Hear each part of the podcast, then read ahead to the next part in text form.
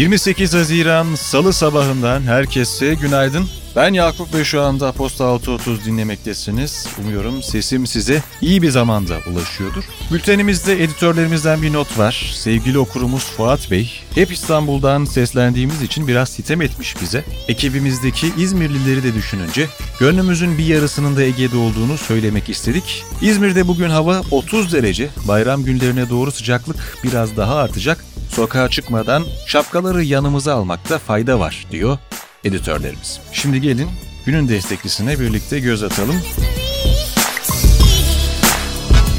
Bugünün bülteni Yapı Kredi Portföy destekleriyle dolaşıyor. Bu yıl 20. yılını kutlayan Yapı Kredi Portföy, sürdürülebilirlikten geleceğin sektörlerine, global piyasalardan yeni nesil teknolojilere kadar birçok farklı alana yatırım imkanı sunuyor. Ayrıntılar bültende. Piyasalar ve ekonomi. Altın fiyatları G7 liderler zirvesinde Rusya'dan altın ithalatının yasaklanmasının planlandığının duyurulmasıyla haftaya artışla başladı. Spot altın haftaya 1838 dolar seviyesinde başladı. Avrupa'da doğal gaz fiyatları dün yaklaşık %7 arttı. Artış geçtiğimiz hafta %9,1 olmuştu. Avrupa Merkez Bankası yöneticilerinin bir araya geldiği 3 gün sürecek forum dün Portekiz'de başladı. Forumda yüksek enflasyon, ekonomik küçülme tehdidi ve artan borçlanma maliyetleri değerlendirilecek. Rusya, 1918'den bu yana ilk kez bir borç ödemesinde temerrüde düştü. 27 Mayıs vadeli ve 100 milyon dolarlık 2 Eurobond kupon ödemesinde bir aylık ek sürenin de dolmasıyla ödemeler için temerrüt ilan edildi.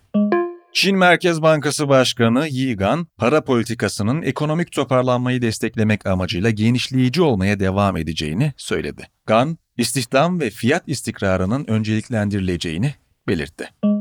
ABD'de dayanıklı mal siparişleri aylık bazda %0,7 ile beklentilerin üzerinde artarak 267,2 milyar dolar seviyesinde gerçekleşti. İş Dünyası Turkcell, bireysel ve KOBİ müşterilerine hizmet vereceği belirtilen bir dijital banka kurmak için BDDK'ya başvurdu. Bankanın %99,96'sına Turkcell Finansman, geri kalan paylarına ise Turkcell'in diğer alt şirketleri sahip olacak. ABD'de yüksek mahkeme, Apple'ın Qualcomm'la devam eden patent davasında anlaşmaya varılmasının ardından yaptığı temiz başvurusunu reddetti.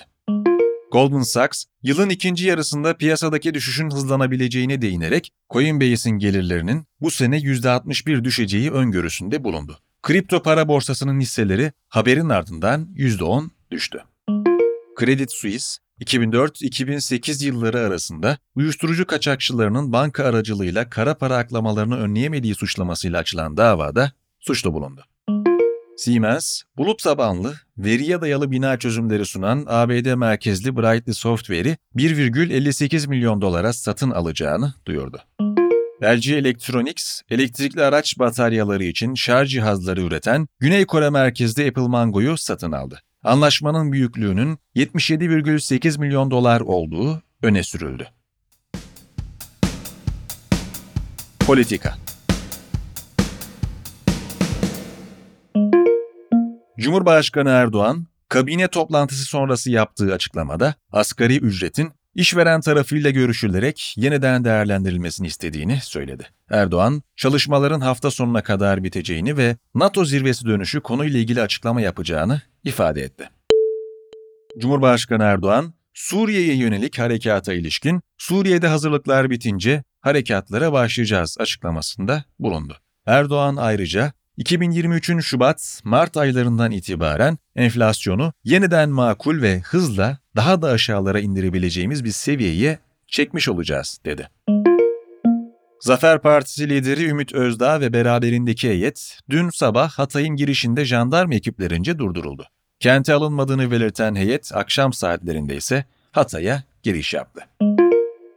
Muğla Cumhuriyet Başsavcılığı, Pınar Gültekin'i öldüren Cemal Metin Avcı'ya uygulanan haksız tahrik indirimi ve kardeşi Mert Avcı'nın beraati kararlarını istinafa taşıdığını açıkladı.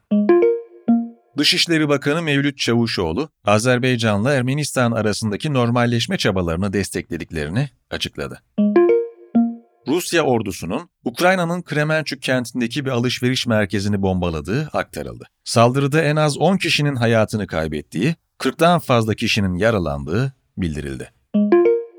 NATO Genel Sekreteri Jens Stoltenberg, Rusya'nın doğrudan tehdit sayılacağı yeni strateji belgesiyle NATO mukabele kuvvetinin yeniden yapılandırılacağını ve yüksek hazırlıklı askeri kuvvet mevcudunun 300 binin üzerine çıkarılacağını söyledi. G7 zirvesinde ABD'nin Ukrayna'ya yeni silah yardım paketini açıklaması ve zirveye katılan ülkelerin Kiev'e uzun vadeli destek verilmesi yönünde taahhütte bulunması bekleniyor. AB Dış İlişkiler ve Güvenlik Politikaları Yüksek Temsilcisi Josep Borrell, AB'nin oy birliği ilkesinden vazgeçmesi gerektiğini belirterek, AB'nin genişlemesini canlandırırken ABD ve karar alma mekanizmamızda reform yapmak için de benzer bir çaba göstermeliyiz. Bu aynı zamanda dış politika ve diğer alanlarda oy birliği kuralının kapsamının daraltılması, nitelikli çoğunluk oyuyla daha fazla karar alınması anlamına da gelmektedir, dedi. ABD Ulusal Güvenlik Danışmanı Jack Sullivan, ABD Başkanı Joe Biden ve Cumhurbaşkanı Recep Tayyip Erdoğan'ın bugün başlayan NATO zirvesinde bir araya gelebileceğini belirtti. İsrail'de muhalefet partileri meclisi feshedecek oylamayı ertelemek için ellerinden geleni yapacaklarını açıkladı. Muhalefet partilerinin bu kararla seçime gitmeden meclis içinden yeni bir hükümet kurmayı amaçladıkları belirtiliyor. Teknoloji ve Startup Danimarka merkezli çevrim içi iş arama portalı Jobindex, kendi iş arama hizmeti Google for Jobs'ı öne çıkararak haksız rekabet elde ettiği gerekçesiyle Google'a karşı antitrust şikayetinde bulundu. Avrupa Komisyonu şikayetin standart prosedürlere göre değerlendirileceğini bildirdi. Rusya merkezli hacker grubu Killnet, Litvanya'ya siber saldırı düzenledi. Saldırının Litvanya'nın AB yaptırımları kapsamında Rusya'nın mallarının Kaliningrad bölgesine geçişini engelleme kararına bir yanıt niteliğinde olduğunu belirten Killnet, şimdiye kadar 1652 internet kaynağını etkisizleştirdiğini ve Litvanya kararından vazgeçene kadar saldırıların devam edeceğini söyledi.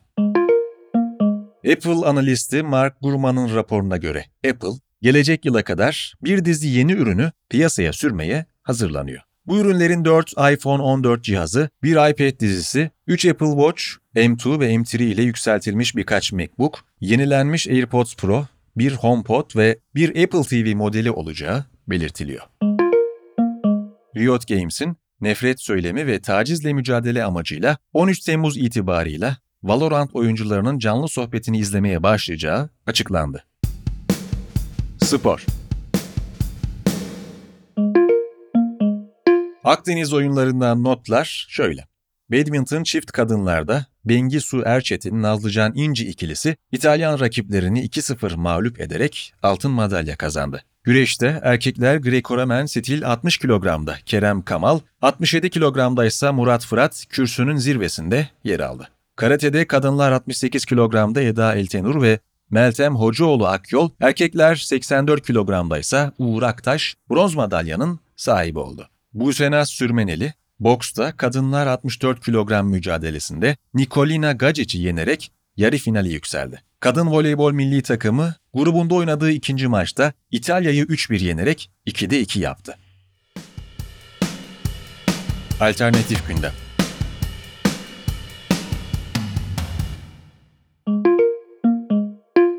Meteoroloji Genel Müdürlüğü'nün kırmızı kodlu uyarı verdiği Kastamonu, Sinop, Bartın, Karabük, Zonguldak ve Düzce kentlerinde dün geceye kadar devam eden sağanak hayatı olumsuz etkiledi. Kastamonu'da çok sayıda ilçede su taşkınları meydana geldi, iki köprü yıkıldı ve bir yol çöktü. Erzincan'ın İliç ilçesinde faaliyet yürüten Anagold Madencilik isimli işletme hakkında çevreyi kirlettiği iddiasıyla başlatılan soruşturmada 21 Haziran'da işletmenin siyanür borusunda sızıntı meydana geldiği ve siyanürün Fırat Nehri ile İliç Barajı'na aktığı ortaya çıktı. Sızıntının meydana geldiği siyanür miktarının 20 ton olduğu iddia edildi. Çevre ve Şehircilik Bakanlığı konuya ilişkin açıklamasında işletme hakkında suç duyurusunda bulunulduğunu belirterek çevre kirliliğine neden olan altın madenine en üst sınır olan 16 milyon 441 bin lira idari para cezası uygulanmıştır denildi. Günün hikayesi BDDK kararı ne anlama geliyor?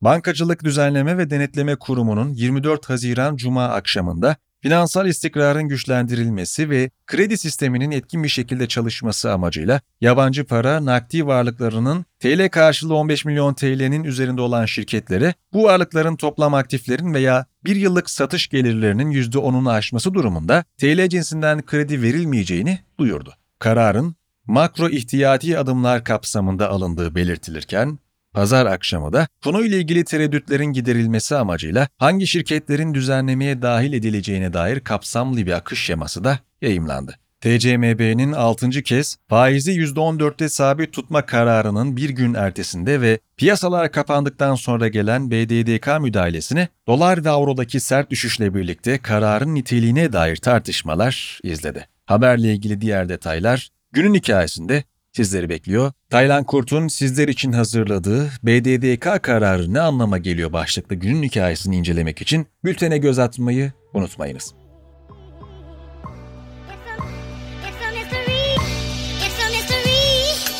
Bir yayının daha sonuna geldik. Ben Yakup.